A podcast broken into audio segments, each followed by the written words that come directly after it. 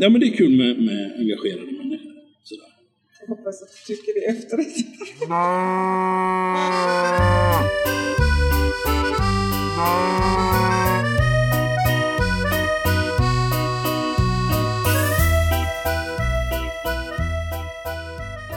Det här är Ostpodden och jag är Johan. Välkommen till vårt tredje avsnitt. Ett avsnitt som innebär att jag utmanar mig själv en del. Dels genom att gå upp alldeles osedvanligt tidigt en lördag morgon. Dels genom att sätta mig i bilen och styra ut mot hissingen. Hisingen och jag har nämligen ett lite märkligt förhållande i det att det känns som att så fort jag närmar mig en bro eller en tunnel som leder ut mot hissingen så sugs jag liksom in. Och väl ute på hissingen är det som att vara på Hotel California ungefär. Det känns som att you can check out anytime you like, but you can never leave. Jag kan åka där ute i evigheter utan att lyckas ta mig eh, över någon bro eller genom någon tunnel och komma tillbaka. Men vad gör man inte för att eh, få hälsa på hos en osthandlare i Kvilles saluhall? En hel del uppenbarligen. Innan vi rullar igång det här samtalet vill jag göra en liten korrigering. I det här inslaget pratar vi nämligen om ostar av triple crème-typ.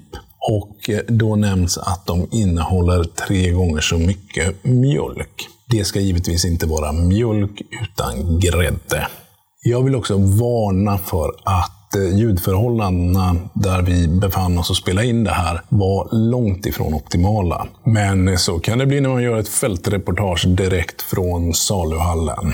Försök hänga kvar trots att det är lite rassligt ljud emellanåt. För det här samtalet tycker jag är väl värt att ta sig igenom hela vägen. Med det sagt tycker jag det är lika bra att se hur det gick för mig efter att jag hade styrt kosan ut mot hissingen. Men då kanske vi ska börja på riktigt. Eh, Med att säga att nu har jag hittat ända fram till Kville saluhall på hissingen i Göteborg. Och slagit mig ner med Vanessa som driver Osthyveln här. Stämmer bra. Hej Vanessa! Hej! Hur är det med dig en eh, sån här gråregnig lördag morgon i Göteborg? Ja, men det är jättebra. Jag känner ju bara att det har ju regnat i fyra dagar nu. Det slutar ju inte. Nej, Eh, Det är lite Mm. det, tråkigt. ja, Ja. det är det. Men nu ska vi hålla oss inomhus och eh, prata om osthyveln. Absolut. Och en det kan vi massa göra. annat. Ja, Men det heter ju osthyveln Mm. och det är ju nästan rätt, fast inte riktigt. nej. För ni håller ju på mer med ostar än osthyveln. Ja, precis. Så eh, kan du inte berätta storyn? Om osthyveln. Ja, Ja, min pappa är ju fransman och min mamma är svensk. ah, okej. Och när jag var, om vi ska gå riktigt, riktigt långt Gör tillbaka, det. Gärna. så när jag var barn så åkte jag mellan Frankrike och Sverige som eh, för att träffa farmor och farfar och kusiner och så. Och varje lov så åkte man ju dit ner och var med dem. Var i Frankrike kommer du Paris och Antibes, franska rivieran. Jaha, ja. Så Paris på vintertiden då och efter påsktiden så var det Franska Rivieran och var loven på tio veckor som jag var på Franska Rivieran. Ja, okej. Det fanns en butik som gällde för mig där nere. Och det var den franska ostbutiken på vägen till stranden. Aha. Och där gick jag in med farmor och köpte ost till varje lunch. För att... Det var så gott. För det var gott. Det luktade så gott där inne och den var helt fantastisk den här ostaffären. Jag var där senast i somras och den ser exakt likadan ut. Ja, men Den har underbart. gått i arv Ja. och den, ja, det är underbart. Så det började där och jag var fem år gammal när jag smugglade med mig mina första ostar till Sverige. Ja. Min pappa på den tiden sysslade med kläder Jaha. och hade en sån här jättegammal Mercedesbuss Okej. och längst bak, på den tiden, jag är född 77, så Ja. vi pratar ju länge sedan, så hade han en madrass längst bak där jag kunde gå och lägga mig och sova för det var en ganska lång tur. Det är ju 150 mil till Paris Mm. och ännu längre till franska rivieran. Ja, vad är det då? Det är 70-80 mil. Till, ja. ja. Så att jag eh, fick hjälp av farmor där och smuggla med mig mina ostar bak i eh, skåp eh, ostdelen då. Fram tills min pappa upptäckte det och det tog... Det blev sura miner för han hade ju precis köpt ett nytt varulager med kläder som han skulle sälja här. Ja, okej. Och där hade jag opastöriserad Ostarna ost. påverkade det lite. Jag var fem år och jag förstod inte alls. Jag tyckte det var jättegott. Men sen så hoppade vi rakt av vägen fram tills när jag var 16 och min mamma slutade jobba på Brasserie Lipp Ja. där hon jobbade i många år. Så tänkte hon att nu ska jag utforska lite så jag ska bygga om en gammal husvagn till en eh, pytteliten illgul ostvagn Ja, okej. och ställer den utanför Ikea i Bäckebord. Nej, i Kållered. i Kållered. Mm. Ah, ja. ja, i Kållered. Och det här måste vara 90... Fyra. 94. Ja. Och jag tyckte hon var så pinsam. För hon skulle sälja svenska sekundaostar. Jaha, vilken idé. Sekundaostar betyder att du åker runt då till de olika leverantörerna, inte mejerierna, utan de som kommer efter. Ja. De som i Göteborg och runt om i Sverige lagrar ostar. Och sekundosten betyder att då har de fått ett blåmärke, de har fått ytmögel, de har fått eh, ett hål i sig, de har fått luft in i vaxet eller någonting. Mhm. Då köpte hon dem jättebilligt och sålde i sin ostvagn jättebilligt. Och jag tyckte det här var så pinsamt. Det var lite Ullared fast Det bara var- med ost. Ja. Ja, ja, det var lite Ullared med ost. Jag tänkte, Det kan låter inte ju underbart. Ja. göra det här, säger jag. Du är så pinsam. Ja, men du kan jobba extra, Vanessa, på helgerna. Nej, det kan jag inte. Det slutade med att jag jobbar extra där på ja, men helgerna. det är klart. och älskade ju det. Mhm. Så vi öppnade totalt tio stycken olika ostvagnar och ostbutiker runt Göteborg. Oj! Och det var ju min mammas namn, osthyveln då. Ja, ja. Ja. Det vet jag inte för det var för att hon hyvlade bort ytmöglet. Nej, nej. Eller vad anledningen var. Jag tyckte namnet var tråkigt också när jag var 16. Ja, ja. Jag tycker ganska mycket är tråkigt när du är 16. Ja, absolut. Särskilt när det är Mamma. mamma och pappa som hittar på något. Exakt. Mhm. Så jag jobbade med henne från det att jag var 16 till det att jag var 26, 27. Och då jobbade vi i alla olika butiker. Som sagt, det var tio stycken butiker. Men det var en butik som jag tyckte extra mycket om. Och det var Angeredsbutiken. Ja, okej. Det var så mycket kulturer där uppe. Ja. Och de ville inte ha det här sekunda. De ville ha något annat. De ville ha det de hade smakat på när de hade rest utomlands. Och det här gjorde ja. ju mig jättelycklig. Ja, ja. Så jag fick ju tillbaka den här franska andan av alla de här ostarna. Så jag sa till min mamma en dag så här, jag vill köpa ut dig från en av butikerna. Och det är Angeredsbutiken. Och jag vill sköta det på mitt sätt. Ja, ja. Ja, det vet jag inte. Tycker du det är en bra idé? Nu har vi gjort det här tillsammans sen jag var 16. Nu vill jag bara, du kan ta de andra. Jag köper ut dig från bara denna. Och så gjorde jag det. Och så ändrade jag hela konceptet till bara de här franska, speciella, gårdsproducerade ostarna. Och det har jag fortsatt med. Nu är vi uppe i 200 olika sorter. Ja, för att jag... Det är ingen jättestor ostdisk till ytan. Nej. Men den är ju väl fylld och väl sorterad. Jag känner sådär att när man kommer till någon som har inte bara en utan flera beaufort, Mm. då är det bra. Ja. Och ja, när det ligger en, en Tour du Cru så är det också bra. Det är då är också- man i trygga händer. Så. Det är man. Ja, Mm. ja det är Och roligt att höra. Det hittade man här. Jajamensan, Mm. det gjorde man. Men är det franska ostar som är huvudfokus? Det är alltså, jag... Franska framför allt, för jag jobbar ju väldigt nära en fransk ostleverantör som heter Jacques Six Mhm. här i Sverige som importerar ostar från Philippe Olivier Ja, just det. som är em, en ostaffinör i Frankrike. Precis, det tänkte jag vi skulle prata Ja. mer om så Ja. småningom. Och den här affinören har ju också gått i generation då. Ja. Så Philippe var hans morfar och nu är det Romain som är Aha. barnbarnet. Ja, Och han kommer hit ungefär en gång per år okej. Så tar vi en liten lunch, pratar nya ostar och smakar nya grejer. Mm, mm. De gör ju allting med lagring i Frankrike då. Och det, de tar jag in rätt jättemycket ifrån Mm. för att veta. Då vet jag att djuren mår bra på gårdarna. Det är inga konstiga ämnen som tillsätts eller tas bort. Det tillverkas exakt så som det ska göra. Från den tiden där appellation d'origine eller appellation de Ja, just det. contrôle protégé är ifrån. Inga sådana. Nej. Nej. Inga fuskostar. Inga eller något fuskostar. sånt. Nej, det är ju underbart. Ja, vi ska återkomma till det. Men när hamnar du här då. Du var ute på Angereds torg Ja. med, med den, den nya varianten av osthyveln. Ja. Och sen hamnade du i Kvilles saluhall. Det var en väldigt lustig historia faktiskt. Jag hade två kunder som bodde här runt omkring som sa "Du, vi har sett på en skylt att det ska öppna en saluhall i Kville. Alltså, ja okej. Hade inte det varit någonting? Jo, det låter ju jättetrevligt. Ja, du får nog ringa och kolla. Och så ringde jag och kollade och hamnar på min grannes telefon. Det här måste vara fel, jag lägger på. Ja, ja. Måste vara fel då. Och ringer igen. Min granne kommer upp igen. Jaha.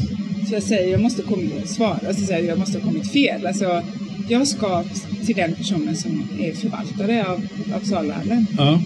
Ja, det är jag. Och då var det min granne. Ja, Så ja. det var jättelustigt. Och då så pratade vi lite grann och så sa hon att eh, jo, men då får du ansöka då. Det var ju ansökningsprocesser, det var jättemånga som ville in här. ja, ja. Och då var vi i ansökningsprocesser och då eh, slutade med att jag lyckades knipa en av platserna som var här. Ja, ja. Det var väldigt bra. ja. Trevligt. Och när var det ungefär? Sa du?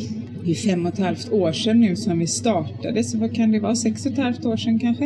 Ja, ja. Ja. Som, Det var ju under byggnaden, fanns ju ingenting här då när vi började ansöka om. Nej men det kommer jag ihåg. Vi åkte förbi här några gånger och, och tittade och hoppades på att det skulle bli något, Ja, något kul. Och det, det tycker jag det har blivit. Det är trevligt här. det är väldigt trevligt Mm. och det kommer ju komma ännu mer roliga grejer nu, så att eh, det händer mycket här. Här eller runt omkring? Här! Här inne? Jaha, vad spännande. Mm. Så eh, nej, jag bestämde mig för att öppna en till butik helt enkelt och utöka den franska osthyveln i Göteborg. Mm. Och det gjorde jag. Så vi hade två stycken butiker. Mm. under ganska lång tid. Men så blev jag gravid med min sista bebis. Mm. Då kände jag att jag orkade inte. Nej, det är klart. Så att då sålde jag Angeredsbutiken som jag kände att nej men nu är jag nog lite färdig där. Ja, Och så sa jag till alla kunderna och väldigt många kunder följde med hit.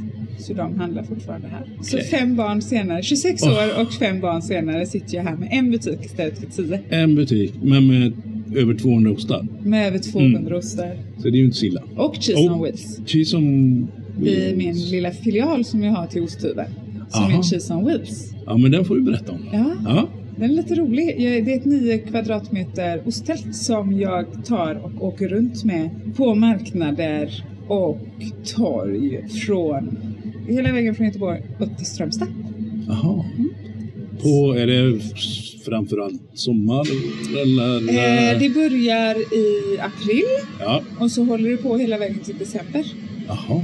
Så är jag inte här, ser du mig inte här så är det för att jag står på någon Då är marknad du ute någonstans. på, ja, ja. Och då bygger vi butiken i det här tältet. Så vi har kylskåp, vi har bord, vi har, vi har allting. Så det ser ut som en helt vanlig butik. Wow. Fast Ja, mitt ute på ett torg. var som helst. Eller på en leråker. Ja. Men, men hur mycket ostar har du med dig då? Lite- Då har jag en släpvagn. Mm. Så då har jag mellan 400-500 kilo med mig. Mycket gruyère, comté, dessertostar Ja, och parmesan. Det är ju storsäljaren då på marknaden. ja okej. Då, så, då hamnar vi här och på Cheese on Wheels. Mm. Jag har en, jag har en ganska tydlig så här, uppfattning om vad ni förmedlar, eller vad ska man säga, vad man tar med sig. Mm. Vad, vad vill du att det ska vara? Får vi se om det stämmer. Ja, min... Förstår du hur jag... Ja. Ja. Jag vill, det enda jag vill, det är att kunderna som är här ska gå härifrån lyckliga. Lyckliga och glada och veta att de aldrig kommer härifrån med en dålig ost. Är osten dålig så har de 100% bytesrätt. Det är bara att Mm. komma tillbaka. Det kan ju alltid hända någonting i en process med en ost, det vet ju du. Ja, ja, per definition så Absolut. Det, är det ju nästan det som är tjusningen med såna här ostar också. det kan ju bli fel och det kan bli fel men rätt. kan bli Absolut. godare. Ja. Titta på Västerbotten, det var ju ett stort misstag. Mm. Ja, Men jag hoppas, jag hoppas att det är det kunderna känner. Vad var det du kände när du tänkte på det? Ja, men du ringade in det väldigt bra. Ja. Jo, men det kändes som jag sa, engagerat och någon som, som går lite utanför och säger, ja men gillar du det? Mm. Då tycker jag du ska testa det här. Det uppskattar ju jag. Tyvärr är det inte alla som uppskattar det. Jag vet ju att jag har blivit stoppad en gång på Hemköp när jag går en sån här gång och jag hör bakom mig hur två tanter diskuterar mig och säger att det var hon som vägrade sälja Santa Gur till mig. För att hon ville att jag skulle köpa någon dyrare och det, det kostade exakt samma Ja. sak. Det var bara att jag ville att hon skulle få en gårdsproducerad ost och känna skillnaden på kvalitet. Mm, mm. Den här damen inte uppskattade Nej, inte det. Nej men eh, så är det väl kanske att man, man vill bestämma själv också. Mm. Och, Då är jag fel butik att komma till. kan jag säga. ja men, nej, men så, det är väl, och det är ju din, jag tänkte på det på vägen hit, att uppenbart nästan andra änden är ju så här parti och minutost, att man talar om att man vill ha en frukostost och sen så får man det. Det kan man också vara glad och nöjd med. Då får man ingen upplevelse. Ja men bra, då är vi överens om, då har vi fattat det här rätt. Jag är i alla fall en då som har, har tolkat dig rätt och då tror jag det är fler. Men, men ska vi återvända till Philippe Olivier och affinage lite? För det tycker jag är, det är faktiskt en av de sakerna som har gått upp för mig på senare tiden då, relativt sett. Jag vet ju att man lagrar ost. Stämmer. Men den här, ska man säga, hantverket som heter affinör Mm. tycker jag man måste lyfta mycket mer. Ja, Så det är ett stort jobb. ja, Ja. Det är förädling på svenska. Det finns ju väldigt mycket olika ostar som behöver förädlas, alltså lagras på olika sätt. Hos Romain Olivier då, Philips barnbarn, så har ju han lagringsutrymmen, olika rum med olika luftfuktighet och olika temperaturer beroende på vilken ost det är han ska få fram. Mm. För att han köper ju kanske en typ av ost, men vill göra den till en annan typ av ost. Med mer smak, med annan smak och med en helt annan krämighet till exempel. Och då har de ju de här olika rummen och då har de 77 tror jag, om jag kommer ihåg senaste siffran rätt. Jag kan, jag kan ha fel. Olika människor som går runt i de här olika rummen. Det är stort ja, och gör olika saker med de olika ostarna. Ett exempel är Bouchon de Brasseur som är en pytteliten puck aha, som de tvättar i franskt öl Mm. på ett väldigt speciellt sätt. Okej. Och det här är bara de som säljer den här osten. ja, Det finns inte någon annanstans. Och det är ett gammalt, gammalt, gammalt recept som de har hittat. ja, vad roligt. Ja, Och du gör om nu då. Och det är en av ostarna vi säljer. mhm, Eh, Den är lite mildare, lite krämigare. Har inte den här distinkta smaken som till exempel i poisse. men det är en, den, en chittost, Exakt. Ja, just det. det är typen av ost. I poisse tvättas ju i Marc de Bourgogne. just. Den här tvättas i den här franska ölen som jag inte kan uttala för det är... Det låter inte franskt, det låter belgiskt. Östermäcke, öst, Östermäckeöl, Ah, Östermäcke. jag, jag kan inte uttala det. Men de håller till uppe i normandie bretagne någonstans? Ja, eller? de har eh, olika faktiskt. Aha, De har olika ställen beroende på. Sen så har de även butiker, små butiker. Så att det, det är jätteroligt, mm, verkligen. Och där har du ju bara en av ostarna som de Ja. förfinar. Ja, ja. Och sen så har du ju Epoas då självklart. Du har eh, Livaro, Chittost. Och alla de här ostarna har ju olika mogningsgrader som olika kunder tycker om. mhm, Jag har ju en djävulskyl. ja. Du har hört talas om den kanske? Mm. Nej, men jag förstår när du säger det Ja, och blir glad. den är fantastisk. Den lägger jag alla ostar som standardkunden tycker är övermoget. Ja, Så, eh, Gud, det här luktar alldeles mycket. Det kan jag inte ta med hem. damen på Hemköp Damen på hade Hemköp. inte... Nej, hon hade inte köpt dem. Nej. Hon hade inte öppnat. Jag har mina grannar, det här konditoriet som vi sitter i nu, Ja, klagar varje gång jag öppnar den dörr. Nej, Ja. nu har du öppnat djävulskylen. Den är stängd, säger de. ja, det låter ju fantastiskt. Ja. Ja. Där har du grejer. Men tillbaka till Homer. Han är otroligt duktig på vad han gör. Han har gjort detta i många, många år och han är ju infödd i detta att göra. Mm. Och Det här är ju ett väldigt, väldigt viktigt arbete för att annars så blir det ju bara direkt från ysteriet eller bondgården, Mm. i detta fall bondgården, direkt till oss. Då måste ju vi mogna ostarna själva. Det är ju inte en process som vi kan göra här. Tiden Nej. skulle vi ju kunna ha, men vi skulle ju inte kunna ha så många olika rum med så många olika temperaturer och luftfuktigheter. Nej, och så, så ingen eh, så skugga över er, men den kunskapen och erfarenheten. Den eh, har inte jag. Nej, och det, vad jag förstår det är inte många i Sverige som, som har det heller. Vi har väl knappt någon renodlad...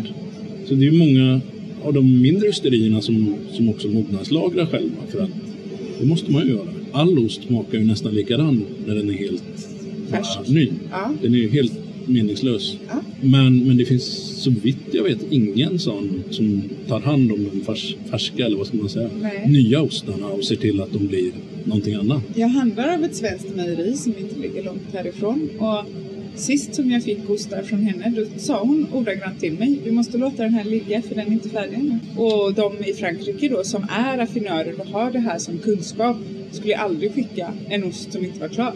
Nej, men det är ju att sätta sitt rykte på, på spel. va? Absolut. Och där, ja, just ja. Det här tyckte jag var roligt. Du sålde en ost då till mig som hette Vita Näsan eller något sånt där. Från Eh. Philippe Olivier. Precis. Ja. Och den var jag tvungen att kolla upp Ja. när jag ja. kom hem. Sådär, För den hade jag inte hört talas om. Nej. Och då upptäckte jag att det var ju en, vad ska man säga, en beställnings... Eller de, Philippe Olivier hade egentligen designat den osten Yes. och beställt den av något Ja. mejeri och sagt så här vill vi ha det. Ja. Och det är ju, den tanken har jag inte haft heller. Jag trodde alltid, eller har tänkt bara att ja, men det är ju osterierna som, de gör ju sina ostar och så får man hålla till godo med det. Ja. Philip hade ju en vision att de skulle göra flera olika typer av ostar, vilket de med all säkerhet gjorde på hans tid. Mm. Med moderniseringen även i Frankrike antar jag att det föll lite kanske med pappan. Mm. Men Romain har tagit tillbaka det här. Aha. Och det Ja. är det som är så fantastiskt. Så de gör väldigt mycket ostar på beställningsvaror Mm. som fanns förr i tiden som har varit då kanske en ursprungsost till någon typ av vitmögelost. Mm. Du har ju väldigt många vitmögelostar som är triple crème fromage som Briat Savarin eller Lyckelus eller Den vita näsan. ja, just det. Ja, det är en sån. ja. Mm. Så, som liknar varandra. Det är alltså tre gånger så mycket färsk tillsatt mjölk. Men beroende på alltid vad kon äter, hur mycket sol det är runt omkring. Är, är det smörblommor? Är det rent gräs? Är det, vad heter den här lila blomman som växer så mycket? Och som Blom, blommor och jag, det är ju inte... den har tydligen väldigt mycket annorlunda smak Mm. Aha. också. Solrosor äter ju vissa. Där ser man. Ja. Så att allting beror ju på vad, Mm. altityden på var de äter gräset, var de äter blommorna och vad blir det för ost. Den här vita kom ju högst upp från yttre spetsen i norra, norra Frankrike. Då smakar ju Ah. den annorlunda än de vitmögelostarna som i vanliga fall tillverkas runt Parisområdet, alltså in de France, Mm. som Brie, Brie de Meaux, Camembert, Briat Savarin, Lucullus. De har en helt annan altityd och höjd och får ju ett helt Ja. annat gräs och bete. ja, men precis. Vattnet har ju också, spelar ju också roll. Ja. Ja. Ja, det är det här som, är så, som, som gör dessertost till något som är en hel värld, minst. Ja, Mm. absolut. Men jag tror vi har väl touchat på det flera gånger, men, men att vara osthandlare, eller vad, vad skulle du kalla det? Det går bra, jag kan vara oställare. Ja, dels så här när man ska in här då, du, du har en ostdisk och, och det är en massa krav, antar jag, för att få ha den. Ja. Är det mycket sånt som är krångligt? Ja, men för att överhuvudtaget få, få köra den här butiken. Rent, eh, enligt praktiskt. lagar och förordningar och, och sådär. Eh, inte så mycket längre skulle jag inte påstå. Mhm. Förr var det, kände jag att det var jobbigare. Jaha. Mycket på grund utav det här med opastöriserade och pastöriserade ostar. Mm. I Sverige är vi väldigt dåliga på opastöriserade ostar. Mhm. Har i varje fall varit under Mm. en väldigt lång tid. Du får till exempel inte som privatperson åka till ett mejeri och köpa opastöriserad ost. Eh, opastöriserad mjölk. Nej. Det är inte nej. lagligt. Vilket i grund och botten hade varit väldigt mycket nyttigare för vår kropp att dricka än pastöriserad. Alltså då är den ju kokad och då har ju alla bra bakterier förstörts i Ja. den här processen. Det här var ju ett problem från början kände jag. Ja, men har du olika knivar på pastöriserat och opastöriserat? Oj, har du jaha. olika skärbrädor? Hur kontrollerar du det? Har du koll på dina diskar? Vad har du för temperaturer? Ska opastöriserat ha en annan temperatur? Nu har de börjat vänja sig lite mer Mm. vid att vi faktiskt säljer opastöriserat. Och har jag olika knivar? Men jag diskar ju varje kniv efter varje omgång oavsett. Så Det går ju inte att hålla på och skära. jag kan ju inte skära en brie, en mögelost och gå tillbaka till att skära lite brie med samma kniv. Nej. Det gör lite ont i mig när man har plockat fram en, en radda ostar och ska käka på kvällen med folk.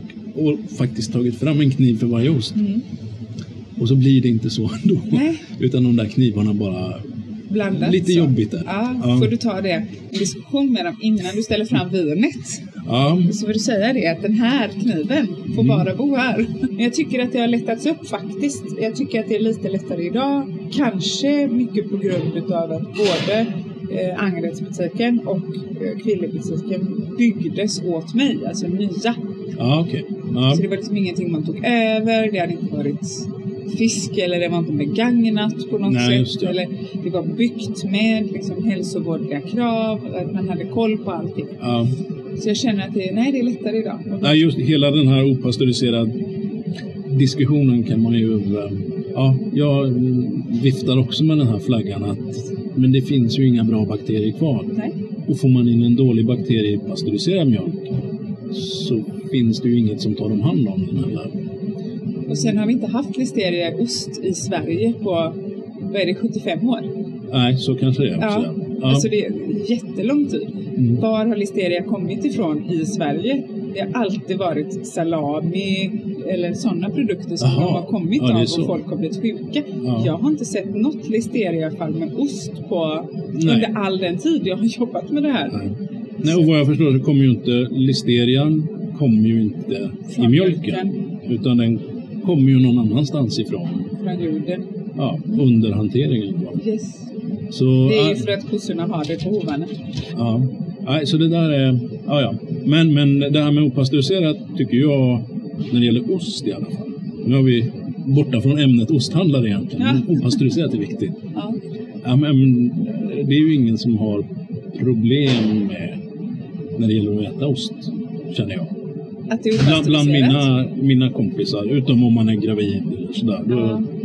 Det, nej, det, det enda gången, de, de enda gångerna som det är farligt är om du är hjärtsjuk, hjärtopererad alltså, eller gravid. Mm. Och gravid är ju inte du som människa utan du är fostret för att de Ja. inte har tillräckligt med immun i magen. Mm. Men det gäller ju även eh, penicillin, alltså penicillin i möglet till exempel. Det skulle Just inte det. heller få i sig då. Eh, så att det här med det opastöriserade, det, har, det är ju vi som nation som har blivit inlärda att det ska Mm. vara pastöriserat. Och det var ju Louis Pasteur som kom på det i Frankrike, att man skulle pastörisera ostar för att den höll längre. Men Ah. det var ju för att vi inte hade något kylskåp. Ja. Idag har vi kylskåp ja, det har vi definitivt. och de är jättekalla. Ja. Så ostarna hinner inte bli dåliga även om de är opastöriserade. Nej. Så personligen har, kämpar ju jag för opastöriserat och tar in otroligt mycket opastöriserade Ja. ostar. Likaså Romain Olivier, Jacques Six. Alla de här ostdyrkarna. Ja. Vi kör ju opastöriserat på våra menyer så att säga. Och om man tittar i Frankrike. Regeringen ville gå ut med att alla ostar, all, all mjölk skulle vara pastöriserad. Det här var I många Frankrike? år sedan. Ja, ja. ja, ja, Mm. i, i Frankrike. Och bönderna åkte in på Champs-Élysées med halm Aha. i sina traktorer och parkerade på hela Champs-Élysées och hällde ut all halm. Ingen kom förbi. Inga bilar, inga bussar, ingenting. Tvärdemonstrerade, som alla fransmän alltid gör. Ja, men jag tänkte, franska bönder framförallt känns som att är det något, då kan man ja, lita på dem eller vad man... Vi borde Vad man nu lära ska oss säga. Ja, att demonstrera, att protestera på samma sätt. Ja. Ja. Ja, Så men det är ingen som kom precis. fram förrän de la ner den idén, så att säga. Mm. Ja, det var väl skönt. Jaha. Ja. Sen tycker jag, sen ska man ju inte säga att, att det inte går att göra bra ost på pastöriserad mjölk. Nej. För det finns ju... Möjligheter. Ja, jag tror som en trä, inte den gjord på... Eller den kanske finns på båda nu. Men det finns några riktigt bra köttostar som faktiskt är gjorda på pastöriserad mjölk. Så, eh, Så det är klart det går. Mm. Det är ju Men lagringsprocessen. Du, då är vi tillbaka på Mm. affinage. Hur man affinerar osten. Hur du lagrar och förädlar den. Ja, definitivt. Men du får Då- kämpa lite mer. för Det tar längre tid. Nej, men för att bakterierna inom pasteuriserad, eller ja, det, hela smakpaletten där är ju bredare än i ett bra vin, har jag hört. Och det skriver jag gärna under på och för vidare i alla fall. Mm, härligt. Mm. Ja. Men vad, vad är plussen med det här jobbet? Vad, vad liksom får dig att... Förutom att Gå- du får gå- äta hur mycket ost du vill. Ja, jo, den det är jag avundsjuk på. Eh, men, Kommer man prova? Ja, kan jag inte få göra det? Jo, absolut. Ja, bra. När du vill. Vi har ett handshake på det nu. Ja, absolut. Ja, Kanon, vad kul. vad kul. Mm. Ja. Ja. Kan lära dig allt jag kan. Ja, underbart. Ja, jag har aldrig stått på den sidan av en ostisk. Det är sant. Ja. Nej, men det måste vi göra. Ja. Där får vi spika. Mm, det gör vi. Men vad skulle jag komma till? Jo, eh, vad är det som får upp dig ur sängen på morgonen? Så du känner att nu ska jag Ehm, till jobbet. Och det jag känns- går och det alltid till känns jobbet. kul. Ja. Ja. Jag går alltid till jobbet. Ja, jag, jo. eh, jag, det, det finns inte... Jo, en gång tror jag eh, på hela min yrkeskarriär på 26 år har jag liksom verkligen varit sjuk. Men verkligen varit sjuk. Men då var det hu- sjukhusvistelse och då kom jag inte till då, jobbet. nej, det, Men annars, alltså jag har stått här med eh, bruten arm, brutet ben. Så att det är kunderna. Det är kunderna, det är glädjen i kunderna. Det är glädjen för, för osten när kunderna alltså, kommer och man ser hur det lyser upp när de smakar på Mm. någonting. Ja. Det är glädjen för mathantverk. Alltså, eh, ja. ja, underbart. Det är så roligt. Ja, Den här sociala biten, den är ju fantastisk. Man är ju osthandlare, man är lite halvexpert på det man sysslar med och man är en kompis, kanske lite psykolog i vissa lägen. Man är lite ja, allt. Ja, Det är väldigt härligt. Mm. Så det, ja, det finns mycket som får en att gå upp på morgonen. Ja. Men något måste det väl finnas också som, när väckarklockan ringer så vill man bara dra täcket över huvudet och så här, nej inte idag. Inte idag. Eller som har med jobbet att göra kanske. Alltså, Göra bokföring. Eller, ja, det, är ju- det är ju all... Där satte vi det. Mm. Jag drar mig verkligen för det. Jag har faktiskt en re, re, re, re, visor, revisor. Så heter det, Ja, ja. Eh, ja, det är väl aldrig roligt. Betala räkningar är ju inte roligt. Nej. När jag vet det på måndag när man står här. Måndagar är inte så jätteroligt med tanke på att du och jag, som alla andra, äter ju våra goda grejer på helgerna. ja. Tyvärr. Vi tror att måndag och tisdag är gjort för rester.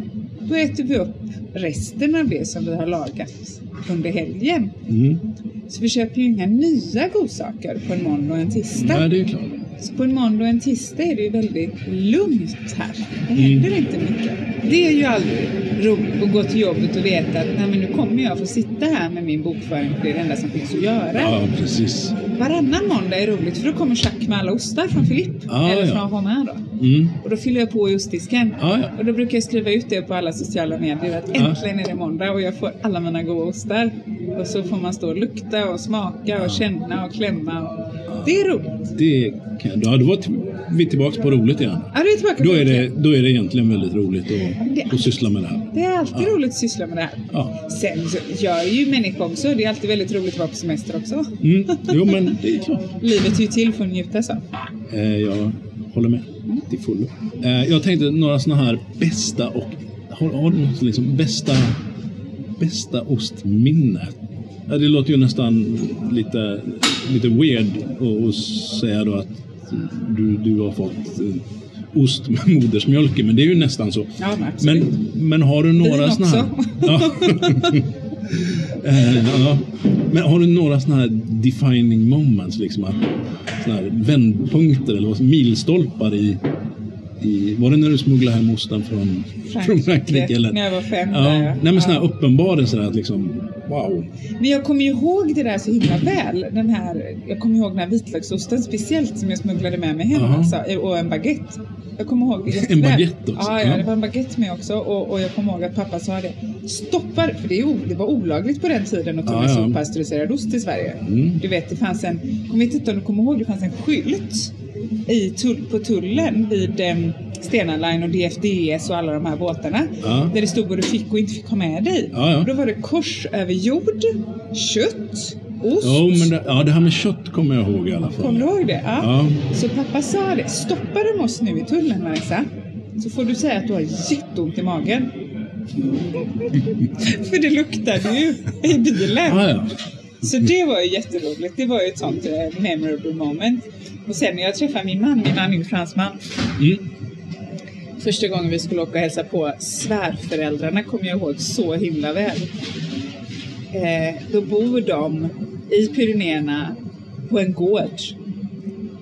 Och det här, jag tänkte gud så mysigt, det kan ju inte bli mysigare. I Pyrenéerna jag kan åka runt och lukta på viner och ostar och smaka och gå på slott och ja, Ja. vad härligt.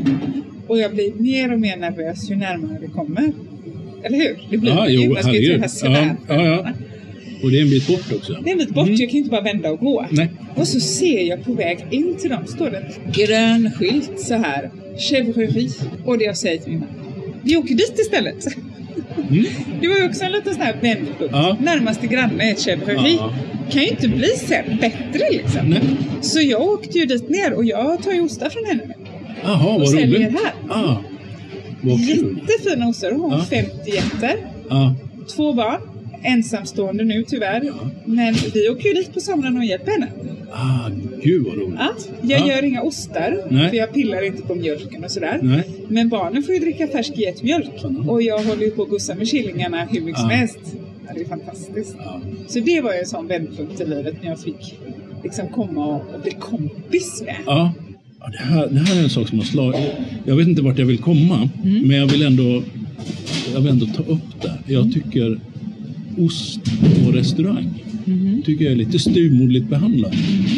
Beställer jag en, eh, en osttallrik eller vad det heter så får man, ja, jag tycker det är ofta man får kylskåpskall ost och den presenteras som, ja det här är en hårdost från Frankrike och det här är en brie och det här är en blåmögelost. Eh, Och det skulle ju aldrig hålla med vin. Ja, det här är ett rött vin från Frankrike och det här är vitt. Varför är det så? Är det en för liten vad ska vi säga, produkt på menyn för att man ska bry sig egentligen?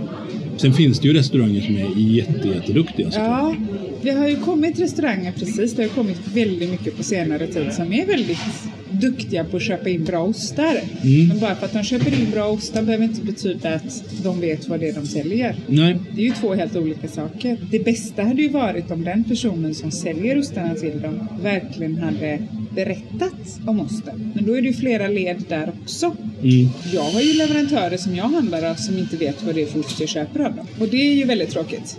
Jag vet, när jag till exempel ringer och beställer ost och de inte vet vad det är jag beställer. Hur stavar Ja. du det, sa du? Nej men sluta. Och det, det tror jag återspeglas även i den här restauranggrejen. Att de har väldigt bra ostar, men de vet inte hur de ska ta hand om den.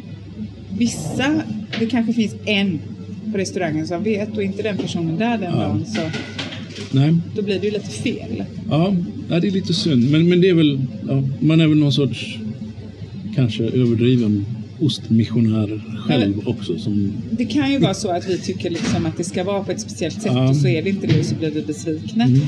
När du går på restaurang Mm. och du vet att du vill ha ost efteråt, säg det i början då istället. ja, Du, Det är ju jag kommer smart. vilja ha en ostbricka sen. Kan du ta fram den redan nu så är du snäll så den är ordentligt rumstempererad? det är ju ett, det tipset skickar vi rätt ut i etern. Ja. Det var ju jättebra. Eller hur? Ja. Det roliga tycker jag nästan är när man får in en ostbricka och de serverar fem olika sorters ostar från de olika familjerna med ett vin.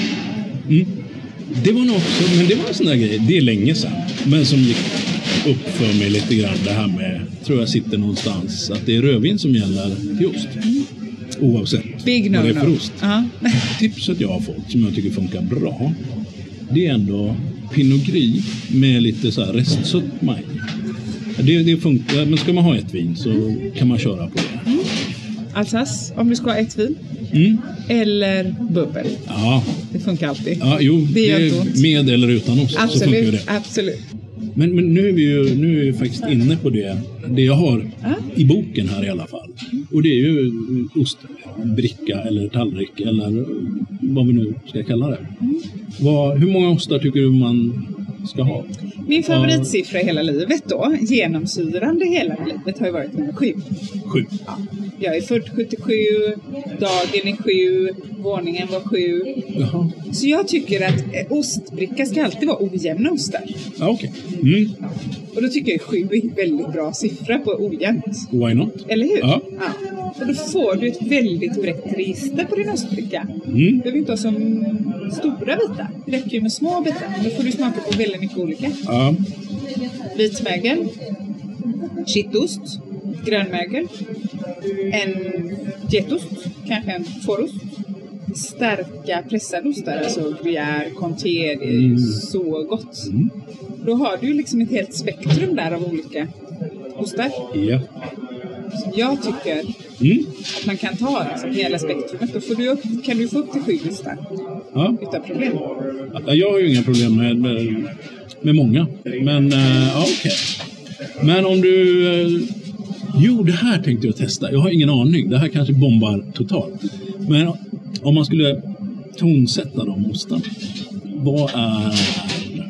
Vad började vi med? En En vitmögel. vitmögelost, va? Ja, ja. Vad är, vad, vem är det då? Vad, tonsätta. Förstår du vad jag menar? Nej. Är det en... Är det Barbados? Eller är det Metallica? Eller vad, vad, så här, precis som, vad ska man dricka till osten? Aha. Vilken låt byter man till när man byter till... Ah. Okej, eh, jag förstår. Ja, Men Ja. typ en vitmögel är ju lite Eros Ramazzotti. Ja, Eller? det kan jag hålla med om. Eller? Ja, Lite så här... eh, Eller han, vad heter han? Hans son sjunger idag. Julio Iglesias. Ah, ja just Så det. Ja, himla Enrique heter han, va? Eh, Sonen. Ja, det Enrique. heter Ja, han, men va? Julio håller jag med. Ja, Ja. lite så här smörigt. Ja, men då är det nästan en sån Eh, Lite triple crème romantiskt. Ja. eller... Ja. Det är en lyckig lust, det är jordgubbar, det är Ja. champagne, det är rosor, det är din käresta. Agreed. Ja. Ja, lite härligt. Ja. Vad var vi sen då? Ja, var vi på kanske- kittost? Ja, en kittost ja. Det kan ju vara i och för sig väldigt Det beror helt på vilken mycket. kittost. Mm. Alltså en poisse, det skulle ju vara... Ja, det är nästan, det är nästan ett hårdrock på det. Ja, kittostar är det är någon sorts rock i alla fall. Sen finns det ju liksom... Ja, Det finns ju sånt brett spektrum. ja men exakt. En, en, en bouchon brasseur skulle ju lika väl kunna vara soul. Mm. Den kan inte jag placera sådär, så jag Nej. litar, jag litar på dig. där. Ja, typ Mm. lite kanske eh, Aretha Franklin. Kanske en, en eh, bouchon brasseur. Ja, okej. Men om vi Ja. går som sagt på Equats, då Ja. skulle jag ju till och med gå så långt så att säga, vad hette han den här som bara skrek? Eh, Rammstein. Rammstein, ja, Slayer tänker jag. Aha. Äh, ja, det, det, är- det är nere. Ja, men du ser, jag gillar kittost. Ja. Och det är min musik, Ja, men bland du ser. annat. Ja, Ja, du då ser. tror jag att vi är helt rätt. Grönmögelost beror ju också lite på Mm. styrkan. Men kanske en Bleu de la Cueille som är originalreceptet på Santa Gry-typen. mhm. Den är ju lite sassy, alltså lite salt. Ja, för det är det jag tänker på med, med blommögel, så tänker jag salt. Ja. Och då tänker jag, ja, men vad är det då? Är det Den sån får du här... ju alltid eh, kombinera upp med något sött, eller hur? Antingen något sött vin eller någon god söt marmelad. Den är nog lite så här, om du tänker dig marmeladen, eh, skulle kunna vara kokospassion eller piña colada eller något sånt. Och då ser jag lite, nästan lite salsa framför mig. Lite att du åker ner till Brasilien. Ja, ja. Ja, Eller? ja.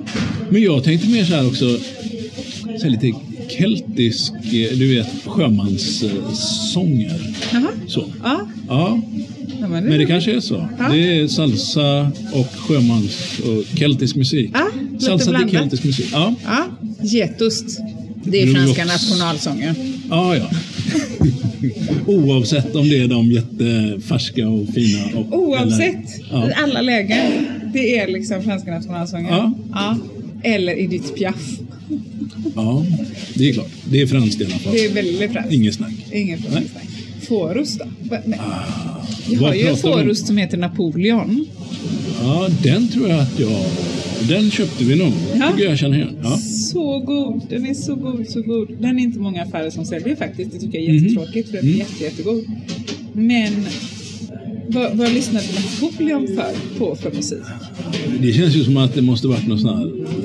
Ja, Lite eller- Mozart-aktigt nästan. ja, ja, men är den så lite... Fast den är ju inte det. Den är ju liksom salt, kraftig i smaken. Ja, men jag tänkte om det är En någon bra sån här... Så kanske. Ja. Men jag- jag har inte koll på när han levde, i och för sig. Napoleon? Ja. ja opera Mm. fanns säkert. Vi säger att det är en opera. Ja. Gruyère va? Det tar ju tag. I- Vals. Ja, wienervals. En väldigt hög sång. Ja, jag är inte sådär jätte... Jag är ingen stor dansare. Men, eh, det är inte jag heller. det är inte jag heller. Ja, men det, ja. lite stolt och stilig. Bröllopsvals Ja. kanske. Ja, men Vem där, vill inte ha gruyère på sitt bröllop? ja, Alla vill ha det- gruyère på ja, Mm. sitt bröllop. absolut. Eller hur? Det är jätteviktigt. Men Då har vi kommit runt den va? Ikväll är det ju mellofinal också. Ja, Jag dör. Ja. Okej. En ost till den. Till Mello. Jaha. Okej. Men alltså, Mello är ju lika med pasteuriserad brie känner jag. Sätter, alltså tittar man på det då får man, då får man inte äta god ost. Nej, Ja. jag skojar bara. Eh, eh, nej men alltså en hel ostbricka då. Fast då sitter du där med dina barn. Oftast så är det ju bara föräldrarna hemma. Ni kanske inte har en sån här jättestor mellofest. Nej. Kanske bara för det, kanske det räcker med tre eh, ostar på ostbrickan. Mm. Och då kan man ju tänka sig att man kan till och med ha med en smaksatta ostar. Mm. Alltså en färskost eh, hä- som är gjord på kanske vitlök och franska örter. Mm. Det är ju lite mello. Ja men det kan det vara. Ja? Och lite... Lite chips Ja. med dips sådär. Ja. Ja. Eh, så kanske lite så vitlök, kanske då... Alltså, jag hade ju, jag hade ju haft med en brie där. Men, Mm. men jag vill ju inte säga en, en pasteuriserad brie för jag säljer ju inte ens en pasteuriserad brie. Nej. så kanske, kanske en brie fermier med lite smak och lite Mm, krämighet mm. från en liten gård. Men, Ja.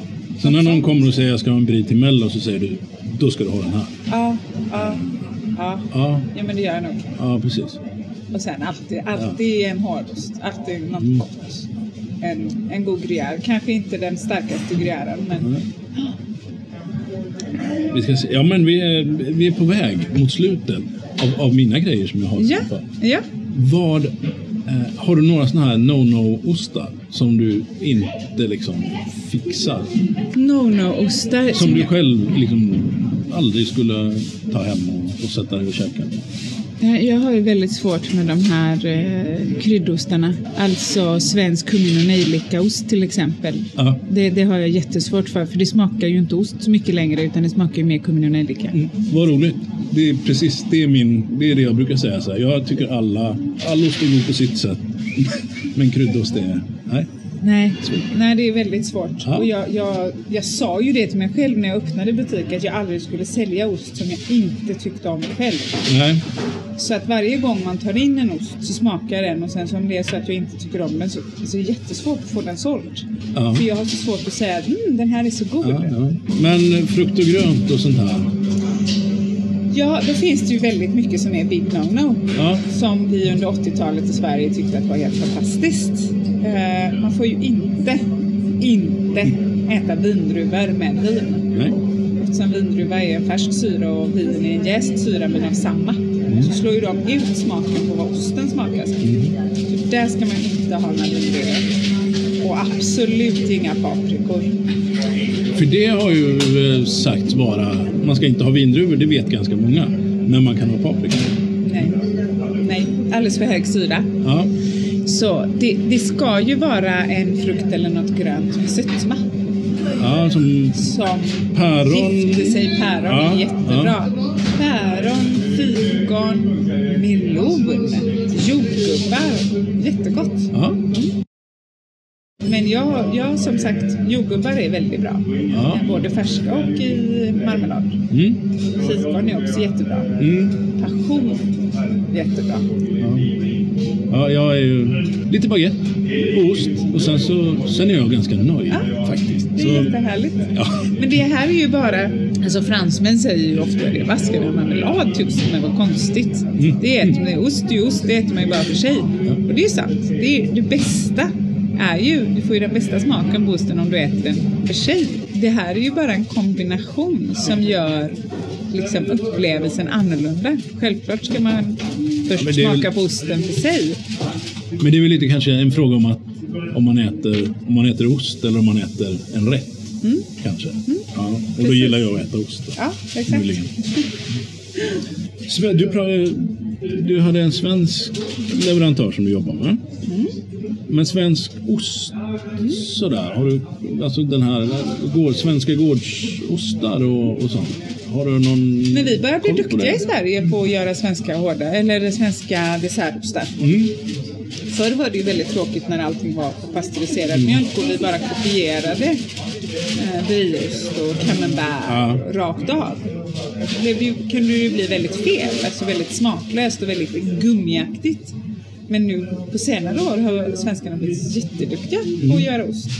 Eh, inte bara hemma hos sig själva, utan även på gårdar. Och, och då tar de ju mjölk både från getmejeri, getgårdar och komjölksgårdar och tillverkar hos sig. Och då har de ju både all, hela spektrat. De har shittostar, de har ju vitmögelostar, blåmögelostar. Alltså det är ju jättetrevligt och många utav dem försöker göra på opastöriserad mjölk. Mm. Det är ju också väldigt trevligt. Tvättar till exempel också i öl. Ja, det börjar ju finnas rätt mycket lokal öl också så man kan ju kanske göra sådana Exakt. kombinationer. Ja, Ja, just det. Det gör de. Ja, här borta. Mm, några mil härifrån bara. Jaha, Och de vad kul. köper vi av när vi Ja, kan, för ja.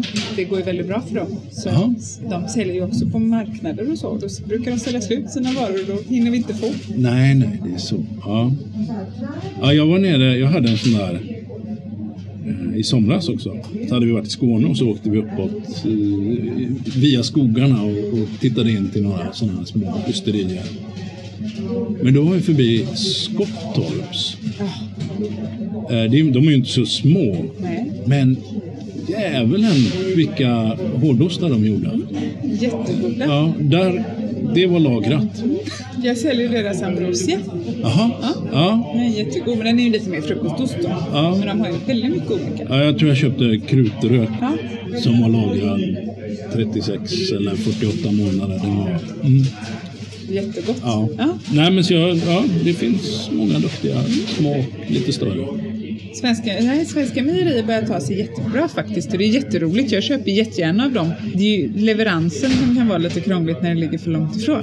Eh, Och de är så små och de inte riktigt vet med kyltransporter och så. Men eh, absolut, ja, eh, det är jätteroligt. Jag köper jättegärna ekologiskt, närproducerat. Ja, Ju mindre avtryck på miljön som vi kan försöka göra desto bättre självklart. ja, ja det där är ju såklart, det, det är en hel diskussion vi kan ha också om det här med att när man sysslar med mejerivaror och hur, hur känns det med hela klimatfrågan och så. Men den, den kanske vi får lämna Ja, till nästa gång. där. Precis, vi kan ta den när jag pryar här. Ja, det gör vi. Ja, men jag tror vi kanske ska runda av här. Spara din hals så du kan rekommendera oss till, till lite kunder också. Jag ska försöka göra det. Ja. Jag vet inte, det känns som det ligger ett lock på. Ja. Nej. Har du några last words? Har du hört talas om den heliga treenigheten? Ja, det som har jag ju. prästerna men- sa i Ja. Frankrike. Nej, inte, det vet jag inte. Det finns bara en helig treenighet. Jaha, Det är ju ost, vin och bröd. bra, tack. Det ska jag komma ihåg. Eller hur? Ja, Det är den bästa. ja. Det tycker jag var en jättebra avrundning. Då tackar jag dig jättemycket för att du tog lite extra tid i morgon för mig idag. Ja, men ja, självklart. Allt för dig Johan, det vet du. Väldigt trevligt. Tack. Tack. Det var Vanessa på Osthyveln. Jag har fått en praoplats. Vi har fått lära oss hur man får in en så bra ostbricka som möjligt på restaurang. Och vi har fått lära oss om den riktiga heliga treenigheten. Något som kan få en att bli lite smått religiös. Nästa gång gör vi något helt annat än befinner oss på hissingen och pratar med osthandlare. Och innan nästa avsnitt hinner det givetvis hända ett och annat smått och gott som du hittar på Facebook och Instagram. Det här har varit Ostpodden. Du har varit tapper. Vi hörs igen om ett par veckor. Tack för att du har lyssnat. Hej så länge! No.